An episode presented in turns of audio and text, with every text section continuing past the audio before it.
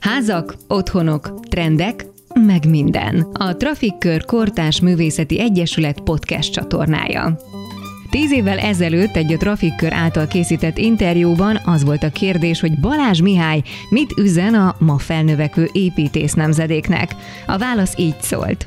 Őszinte, tiszta, józan építészetet szeretnék, őszinte, tiszta és józan építészeket. Nos, hogy állunk ma ezzel a kérdéssel? Hogyan lehet józan az építészet ebben az olykor önmagától megrészegült fogyasztói világban? Többek között erre a kérdésre keresi ma a választ Ligetvári István és vendége, Balázs Mihály építész. Trafik Stúdió. Házak, otthonok, trendek, meg minden. Mai témánk a józan építészet. Szerbusztok! Kedves podcast hallgatók, immárom a második évadot kezdjük el, és hát a vendégünk Balázs Mihály, egyetemi tanár és kosudias építész. Szervusz Misi! Sziasztok! Rögtön felvezetésként elmondok néhány dolgot veled kapcsolatosan, hogy mi valamikor 2007-ben ismerkedtünk meg, mikor egy akkori kiállítás megnyitására felkértelek, majd utána 2010-ben volt egy közös egyetemmel kapcsolatos, talán akkor a mesterképzőnek volt egy fél éve Laboson, ahol én általad ismerkedtem meg a spontán építészet és a szükségépítészet fogalmával, viszont utána 2014-ben csináltunk a Trafikban neked egy kiállítást, és megkérdeztük tőled a végén, hogy drága tanár úr, mit üzensz a jövő nemzedékének, mit szeretnél itt az építészetben látni, akkor megfogalmaztad ezt, hogy őszinte, tiszta, józan építészetet szeretnék, őszinte, tiszta és józan építészeket. No, és akkor meg is érkeztünk a mába, amikor mi az otthonról és a házakról beszélünk, a közben egy megrészegült világ vesz körbe minket. És az első kérdésem az, hogy hogy tud egy építész józan lenni, vagy józanul viselkedni egy megrészegült fogyasztói világban. De először is köszönöm, hogy itt lehetek, köszönöm a meghívást. A kérdés az nagyon fogós, mert hogy nagyon nehéz ebben a világban józannak, egyszerűnek, koncentráltnak maradni, de ugyanakkor nagyon könnyű is, mert az építészet olyan műfaj, ami eléggé öntörvényű, és eléggé, ha nem is számon kérhető, de, de nagyon jól megfogható szabályok szerint működik. Az öncélúságtól alapvetően mentes. Tehát az építészet leglényegibb sajátossága véleményem szerint az, hogy valóságos igényeket szolgál. Az, hogy néha torzul, és néha az önkifejezés eszközének használják bizonyos korokban bizonyos társadalmi rétegek vagy megbízók, az egy torzulás, én szerintem. Az építészet leglényege mégiscsak a józanság, hisz az építészet nagyon egyszerű dologról szól, arról, hogy helyet teremtsünk magunknak a világban. És ez a hely az otthon, és hogy tudsz olyan helyet teremteni olyan embernek, és hogy értsük a józanság és a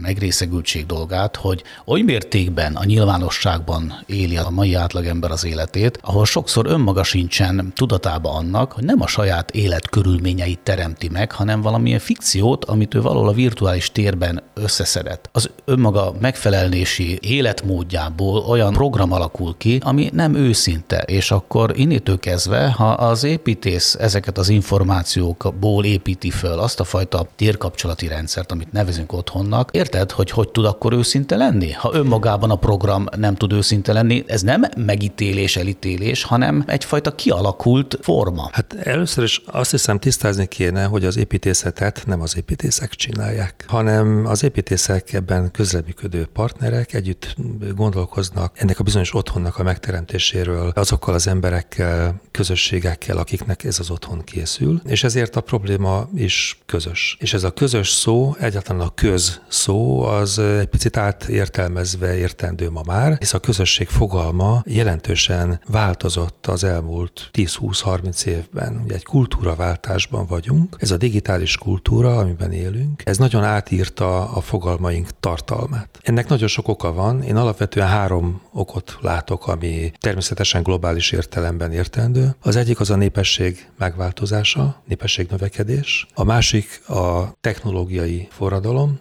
a harmadik pedig az éghajlat klímaváltozás. Ez három olyan rettenetesen erős környezeti hatás, amiben gyökeresen átértelmeződnek a fogalmaink. Gondoljunk csak arra, hogy azok az akár építészeti fogalmak, de akár a jog területére is kitekinthetünk, és gondolhatunk mondjuk a római jogra. Tehát azok a klasszikus értékek, amik szerint mi automatikusan közelítünk a világ értékeihez, azok mondjuk két-három-négyezer éve alakultak ki egy olyan tágas világban, amikor a Föld összné népessége volt 150-200 millió fő. Egy nagyon nagy tartalékkal rendelkező tágas világ volt az, és az együttélés szabályai, a társas kapcsolatok, most közösségi kapcsolatokra gondolok, ebben szocializálódtak. Ez drámaian megváltozott, mert ma már majdnem 8 milliárd ember lakja ugyanazt az életteret, amit bioszférának nevezünk, hogy ez a bioszféra ez egy nagyon törékeny, nagyon vékony réteg. Gondoljunk csak bele, mondjuk a tengerszintől lefelé pár ezer méter, és fölfele is pár ezer méter. Ez nagyon-nagyon szűk terület, és ezen belül az ember, amit belakik, az körülbelül két méteres zóna amilyen magasak vagyunk, vagy ameddig elérünk a kezünkkel. Ez a bioszféra, ez nem változik, ez állandó, ez egy adottság, és ugyanazt a teret, amit 3000 éve, vagy 2000 éve 150 millió ember használt, ugyanazt a teret ma 7,8 milliárd ember használja. Hát szemmel látható, hogy a térrel való viszonyunk megváltozott. Jó magasba szálltunk föl ezzel kapcsolatosan, hmm. és közben végig azon gondolkodtam, hogy miközben valóban ilyen folyamatok részei vagyunk hétköznap itt lent, mint emberek, a közben pedig van egyfajta térhasználati lendület, van a lakástermelés, ahol ezekkel az összefüggésekkel nem foglalkoznak, nem is foglalkozhatnak. Ugye gondolok a társasházakra, gondolok a most nagyon fellendült ikerház, sorház, több lakásos társasház. Tehát ez lakásipar, amiben sajnos az a baj, hogy nem látom az embert. Látom a pénzt, látom a vállalkozást, nem látom az embert, és nem látom a várost. És most lehet az otthonból kicsit ki is megyünk, és nekem itt van a legnagyobb fájdalmam, hogy olyan beavatkozások vannak a város szövetbe, akár csak itt Dabason is, ha szétnéznénk, nem mondok konkrét helyeket, amik egy rég ránk ragadt szerkezet rossz, mai módon való kihasználása egy jövőt gátló helyzetet hoz létre. Hol van ebben a filozófia? Hogy kerülhet bele a filozófia? Na most messzire mentem el, de igazán azt akartam ebből kihozni, hogy miközben vannak összefüggések, miközben van nagyon sok tehetséges ember, meg olyan, aki ezekkel foglalkozik, ezeknek a hatásaival. Hogy tud ez lecsapódni a hétköznapokban az adott projektekre, akár egy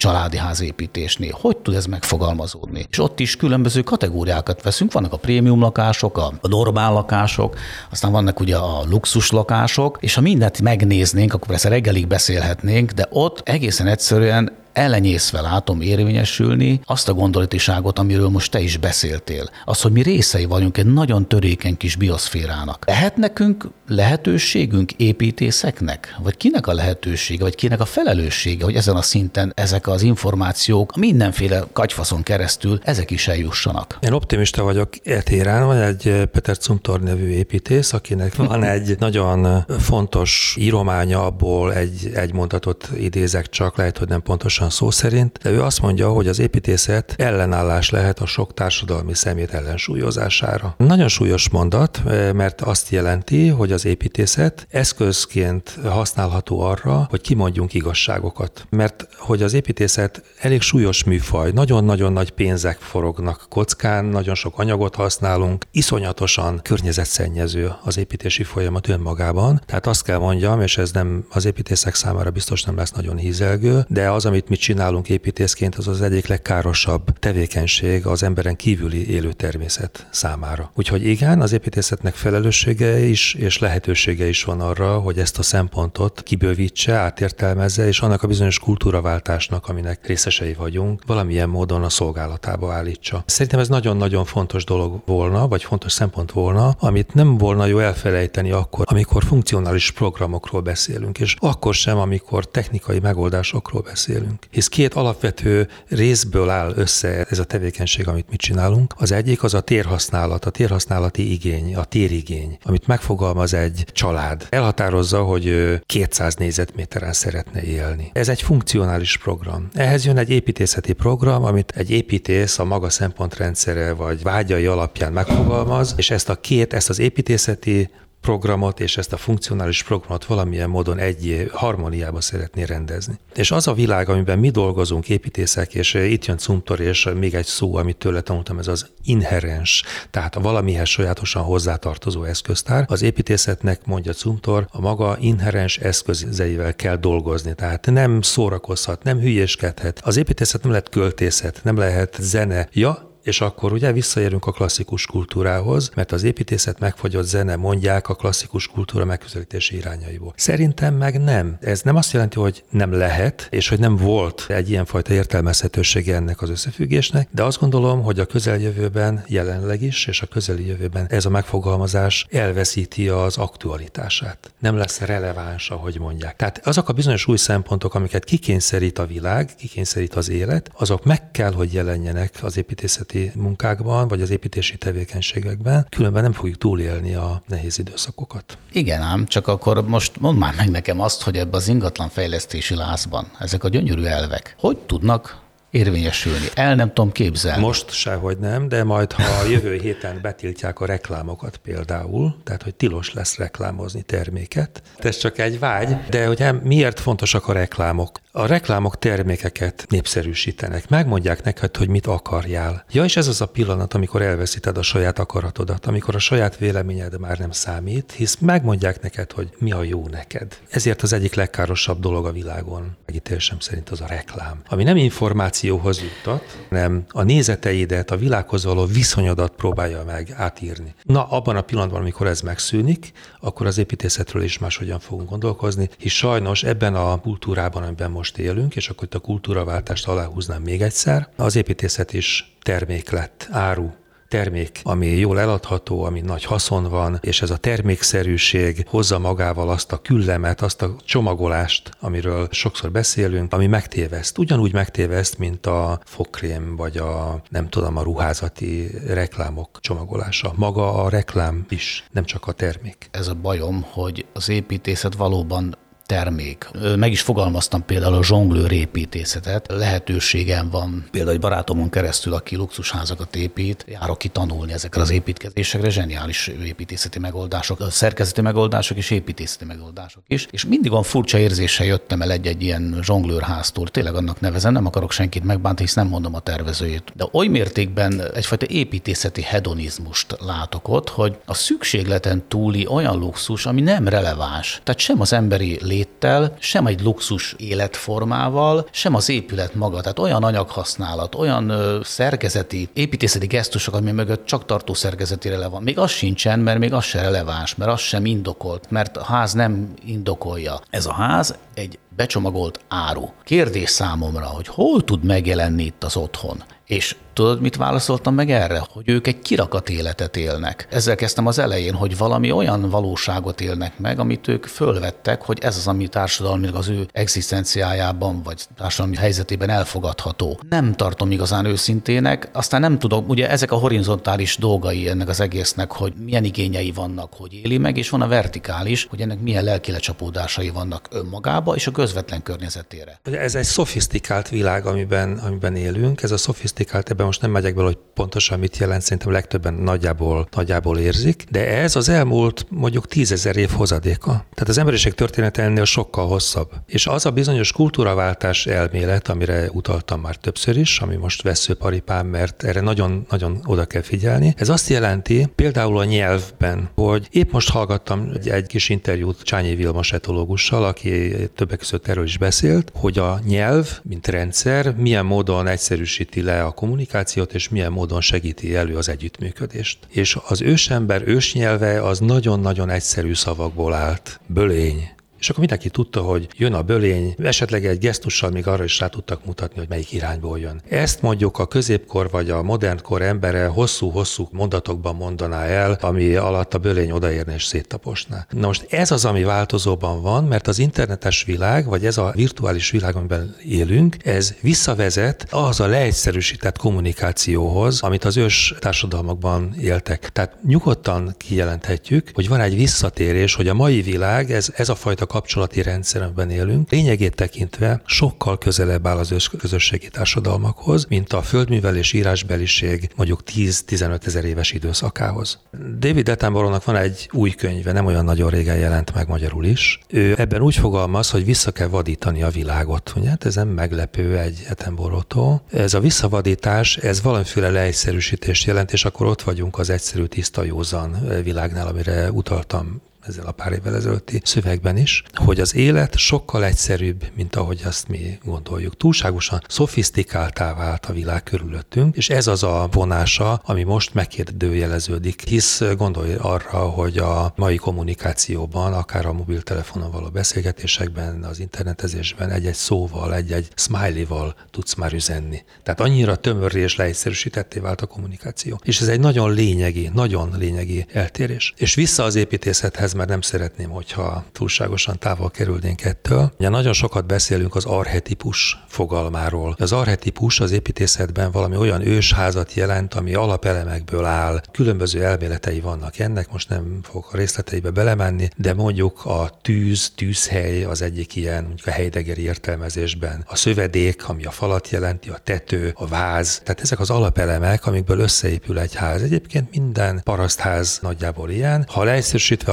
akarnám mondani, az arhetipus nálunk egy parasztházat jelent. Persze ennek az érvényessége szintén zárója betehető, mert a parasztház az egy társadalmi osztályhoz kötődött, ami osztály már nem létezik, tehát aki ma parasztházat épít magának, az tévedésben van, mert ha akarna se tudna paraszt lenni abban az értelemben, ahogy ezt pozitív tartalommal emlegetni szoktuk. Tehát, hogyha van ez az arhetipus, akkor ennek megvan a megfelelője mondjuk a nyelvben is, és ez az ősemberős nyelve, ez a nagyon rövid szavakkal, hangokkal való kommunikáció tartás, és ehhez képest van egy nagyon szofisztikált világ, ez az írásbeliséggel összefüggő pár ezer év, és van egy új világ, a smiley és emoik világa, na és akkor az a kérdés, hogy meg tudjuk-e találni ennek az építészeti megfelelőjét ma. Tehát ha a nyelvben igaz az, hogy, hogy az egyszerű, majdnem artikulálatlan hangoktól egy nagyon kiművelt, kimódolt beszéd vagy kommunikációs eszköztáron túl vissza tudunk jutni az emoik és smiley világába, akkor van az építészetben ennek megfelelője, vagyis létezhet egy olyan minimális, valóságos szükségleteket nagyon egyszerűen, nagyon tömören szolgálni tudó építészet, mi a mi téri igényeinket. Van, Misi, van, Szerintem egész is. pontosan van, még hozzá kötődik is hozzád. Elővettem nemrégiben a Családi Ház című könyvet, ez 2005 körül jelent meg, neked is van két házad benne, ami csodálatos módon megépített házak, nagyon jó elemzései vannak, nem mondom most a nevét, mert rosszul idézném, akik ott az elemzők voltak, két építész újságíró hölgy. Na mindegy, de lényeg az, hogy ez egy szűk körhöz jutott el, egy-kettő, hogy miközben létezik ez, közben egész egyszerű ömlik rád olyan minőségű információ, ami viszont ellentmond ennek az építészeti gondolkodásnak, ami nagyon nehezen tud egy építész választ adni, ami alapján. És hogy hova akarok kiukadni, hogy gondold el, hogy van egy olyan megrendelő, aki tényleg letett valamit az asztalra, és azt mondja, hogy ő megengedheti magának, és most családi házokról beszél, megengedheti magának, hogy most az élete álmának házát megtervezze. No de ám ő ott van azokkal a vizuális képekkel, amiket ő a világ luxus pontjaiból szedett össze. Több ilyen épület van, nagyon nehéz ilyenkor ezt úgy kifejezni, hol azt látod az épületen, hogy ő volt már Tenerifén, ő volt a Seychelles-szigeteken, meg bejárta Dél-Amerikát, tehát minden megjelenik, mert mindent akar egyszerre, és kétségtelen, hogy ott van a építész mellette, aki ebben a folyamatban, a Cuntor szerint ugye folyamat feltárásában vesz részt, és nem pusztán szolgáltat, hogy én is idézek Cuntortól, hogy egyáltalán képes-e azt a folyamatot föltárni az építész, még akkor is, hogyha ő alkalmas rá, meg szándékai van. Át tudja törni azt a falat, hogy ő most meg akarja magát ott valósítani. Na, nekem a hétköznapra visszatérve ezzel van problémám, és ez még nem csak a luxusházakra vonatkozik, hogy ott aztán mindent látok rajta, gesztus halmazt, hanem az egyszerűbb háznál is, mert ő meg, ő meg a maga egyszerűségében, mert neki erre van lehetősége, szeretné megteremteni abból az ő általa vélt legjobbat. Szóval miközben ugye beszélünk akadémikus nyelven, olyan hihetetlen összefüggésekben, amit évszázadokat tud összekötni, emberi történelemben beszél, addig a hétköznapokban vannak nekem a problémáim, és ami oda lyukad ki, hogy amit teszek, az átmegy küldetésbe, ami meg nem tudom hatásfokát. Nekem is mindig gondot okoz, hogy mennyire nyissam ki a kaput. Ugye most uh, hirtelen... Bocsáss meg, ez dilemma volt, nem is kérdés, ez egy dilemma volt. Hogy olyan dolgokról beszélgetünk, és beszélek néha az előadásokon is, mondjuk az egyetemen vagy konferenciákon, amelyek látszólag abszolút nem tartoznak az építészet körébe, és akkor sokan gondolhatják úgy, talán joggal is, hogy minek beszélek erről, nem is értek hozzá. De ugyanakkor azt nehéz volna velem elhitetni, hogy nem igaz, hogy a természet az egy rendszer, egy nagyon bonyolult viszonyrendszer, amiben mi is élünk, mi is a természet része vagyunk emberként, és hogyha ebben a rendszerben nem találjuk meg a helyünket, akkor ez a rendszer kivet magából minket. Tehát ez egy alaptétel, hogy mi egy rendszer elemei vagyunk, és ha nem vagyunk kompatibilisek, akkor nem vagyunk életképesek, elveszítjük a kapcsolatunkat ezzel a rendszerrel, és a rendszer egyszerűen kidob magából. Na ez nem történhet meg az emberiséggel, vagy egy emberrel. Ezért van ez az állandó dilemma. Egyszerűen szeretnénk is uralni ezt a rendszert, másrészt meg kiszolgáltatottja is vagyunk ennek a rendszernek, és akkor megint jöhet az éghajlatváltozás, népesség, növekedés, technológiai forradalom, és így tovább. Tehát, hogy nagyon-nagyon nehéz ezt máshogy látni. És az, aki, aki az építészetet nem ebben a rendszerben értelmezi, és ez lehet egy építész is, vagy egy építő ember, vagy egy megbízó, az alapvetően rossz úton jár. Tehát nekünk építészeknek szerintem az elsődleges feladatunk az az, hogy fölhívjuk a figyelmet arra, hogy mi ennek a rendszernek az elemei vagyunk, és ebben a rendszerben kell gondolkoznunk. És hogyha ez így van, akkor nem nagyon tudunk másra támaszkodni, mint arra a bizonyos józan észre, ami egyébként a, az embernek alap természete, csak hát ezt is ugye elnyomta a sok információ, mert hogy a probléma egyik forrása az az információbőség. Zúdul ránk az információ, és azt hiszük, hogy ezt tudjuk kezelni, hisz most már hozzá nagyon jó eszközeink vannak. Ugye a probléma mindig csak akkor kezdődik, amikor nem tudjuk előbányászni a számunkra fontos információt. Két olyan témára szeretnék rátérni. Az egyik, ez pontos az információ halmaz, hogy bennem megfogalmazódott az, hogy miért van az, hogy arhetipus parasztházak annak idején, és ma is csodáltal nézzük, szépek voltak, egyszerűek, és nem voltak túlzóak. Arra jutottam, hogy szerintem akkor az emberek a belső világukból merítettek, és a szűk közvetlen környezetükből nem volt annyi információ. Paraszti világban az volt a gyönyörű, hogy ők a természetben éltek, természetesen házban is, de az életük nagy részét kint a szabadban élték. A parasztház lényege nem a tiszta szoba és nem a füstös konyha, hanem az udvar, a paraszt udvar, az eperfával vagy anélkül, tök mindegy. De a centrum az valahol ott az udvaron van, és a, a ház ház az a nagy befoghatatlan táj vagy külső térség és az udvar közötti átmeneti zóna, ahova csak akkor mentek be, ha nagyon hideg volt, vagy nagyon meleg volt. Vagy éjszaka, hát én emlékszem, hogy tilos volt nálunk nappal például bemenni a nagy házba. Ez a modell, ez ma már nem járható. Tehát akkor, amikor valaki azt mondja, hogy ő mondjuk hagyománytiszteletből háromosztatú parasztházat tervez, de azért valahogy belelopja a fürdőszobát is, mert az ugye a komfort fokozatát növeli, akkor ő abszolút téves úton jár. Mert valami formai előképből próbálja levezetni a saját életét. A ház ugyanis alakítja az életünket, és mi meg alakítjuk a házat. Tehát a ház és az ember a szimbiózisban él. És hogyha mi belekényszerítjük az életünket egy háromosztatú parasztházba, akkor torzul picit az életünk. Nem is tudjuk ezt megtenni, mert mondom, valamilyen módon becsempészünk olyan funkciókat, amik a parasztházban értelemszerűen nem voltak. Van egy gyönyörű történet, amit azért idevágónak érzek, hogy a paraszt udvarnak és a parasztháznak is az a, az egyik sajátos vonása, hogy térben tudsz középen lenni. Tehát, hogyha beállsz az udvar közepére, vagy beállsz a parasztház, háromosztató parasztház középső terébe, akkor te ott a centrumban vagy, te vagy a centrumban. A sátortetős házak, amiket olyan sokan szidnak, nálunk tacskelháznak hívják, mások kádárkockának nevezik, ez gyönyörű ellenpélda, mert annak van egy középfőfala, ami kizárja azt, hogy te a ház közepére állj, hisz ott egy szerkezet van, nem tudsz ott lenni. Tehát, hogy hol vagyunk a világban. Ugye az alaptétel, hogy a világban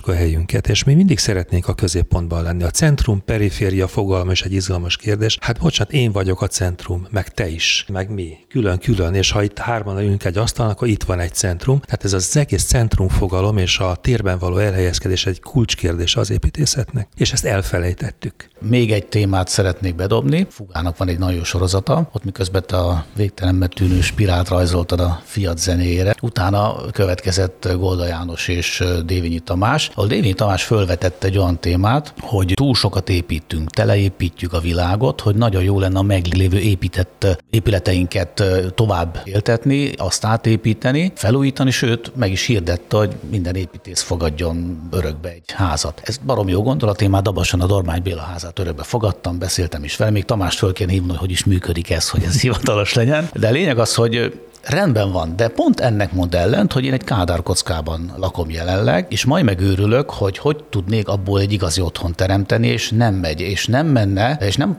pusztán az otthon teremtése, hanem pont amit te megfogalmaztál, hogy van egy középen egy főfala, oly mértékben behatárolja a funkcionális lehetőségeket, hogy az én magam elképzelt élettér rendszerének a közlekedő rendszerét vágja ketté. És innitől kezdve soha nem tudnám a befektetett költséggel arányos lakóértéket kihozni. Akkor most hogy legyen az, hogy felújítunk házakat? Például nagyon-nagyon sok kádárkocka ház épült, amik tulajdonképpen jó állapotban sőt most valami programot is hirdettek, hogy kockáz felújításra támogatás. Hát akkor ez most hogy lesz? Hát bővítés egy adódó lehetőség, hisz ha a kettőhöz teszek egy újat, akkor három lesz, és a háromnak már ott van a közepe. De ez nem biztos, hogy a jó stratégia, mert lehet, hogy amúgy pedig a négyzetméter vagy a légköbméter elég az életérhez. Úgyhogy ez egy nagyon-nagyon fogós kérdés. És még a épületszerkezet is ott van. Tehát hát persze. De egyébként Tamásnak nagyon igaza van abban, hogy a meglévőségeket kéne használni, csak hogy megint, hogyha globálisan nézzük, akkor hamar rájövünk, hogy a meglévőségek nem elegendőek, mert hogy hát amióta mi itt beszélgetünk, körülbelül fél órája, szerintem egy Tatárszentgyörgy méretű településsel lett több a világ. Ugye körülbelül ekkora a szaporulat, ilyen ütemben nő a népesség, ők mind lakni akarnak, és nincs annyi régi ház, és nincs annyi régi tér, ami újra használható. Tehát muszáj újat építenünk, muszáj a régieket átépítenünk, ha kell bővítenünk. Ez egy nagyon súlyos kérdés, amire az építészetnek választ kell adnia. Hát azt hiszem, hogy ez zárszónak is megfelelt, úgyhogy én nagyon köszönöm, hogy tudtunk beszélgetni, és megtiszteltetés volt számomra. Én köszönöm, hogy meghívtatok. Jó volt beszélgetni, és tök jó lenne még, majd folytatjuk egyszer máshol egy pohár bor mellett. Szerintem nagyon lényeges volna, hogy szemléletünket picit megváltoztassuk építészként is, és hogy nyissunk a világ felé, és nagy összefüggésekben, ebben a bizonyos rendszerben gondolkozunk. Ha nem vagyunk képesek ebben gondolkozni, akkor hát akkor elvesztünk, akkor a saját kis napi problémáinkkal leszünk terhelve, terhelve, és azt meg fogjuk oldani valahogy, de soha nem fogunk tudni olyan megoldáshoz jutni, ami megnyugtató, hanem újabb problémákat generálunk, és ez elég súlyos következményekkel jár. Egy dolgunk föltétlenül akad a világban, hogy próbáljunk rendet rakni a fejünkben, és ezt próbáljuk másokkal megosztani. Egyébként nem jutunk előre. De hát az sem járható út, hogy amit mi gondolunk, azt nem mondjuk el. Tehát ez az őszintesség, az őszintességes a nyíltság, viszont néha a konfliktusokat gerjeszt, ezeket meg föl kell vállalni, és vitákban rendezni. Ez a párbeszéd ezért fontos egyébként, minden ilyen helyzet, amikor szélesebb körben tudunk beszélgetni, még ha csak virtuálisan is, vagy akusztikusan, ez nagyon-nagyon lényeges, mert kiterjeszti ezt a párbeszédet, és olyan rétegeket, közösségeket is bevon, akik nélkül nincs építészet, mert ismétlem tévhit, hogy az építészetet építészek csinálják. Házak, otthonok, trendek, meg minden. A Trafikkör Kortás Művészeti Egyesület podcast csatornája. A műsort megtalálod a Spotify-on, az Apple és Google Podcasten és mindenféle más lejátszókon is. Ha tetszett, ne felejtsd el öt csillaggal értékelni. Köszönjük!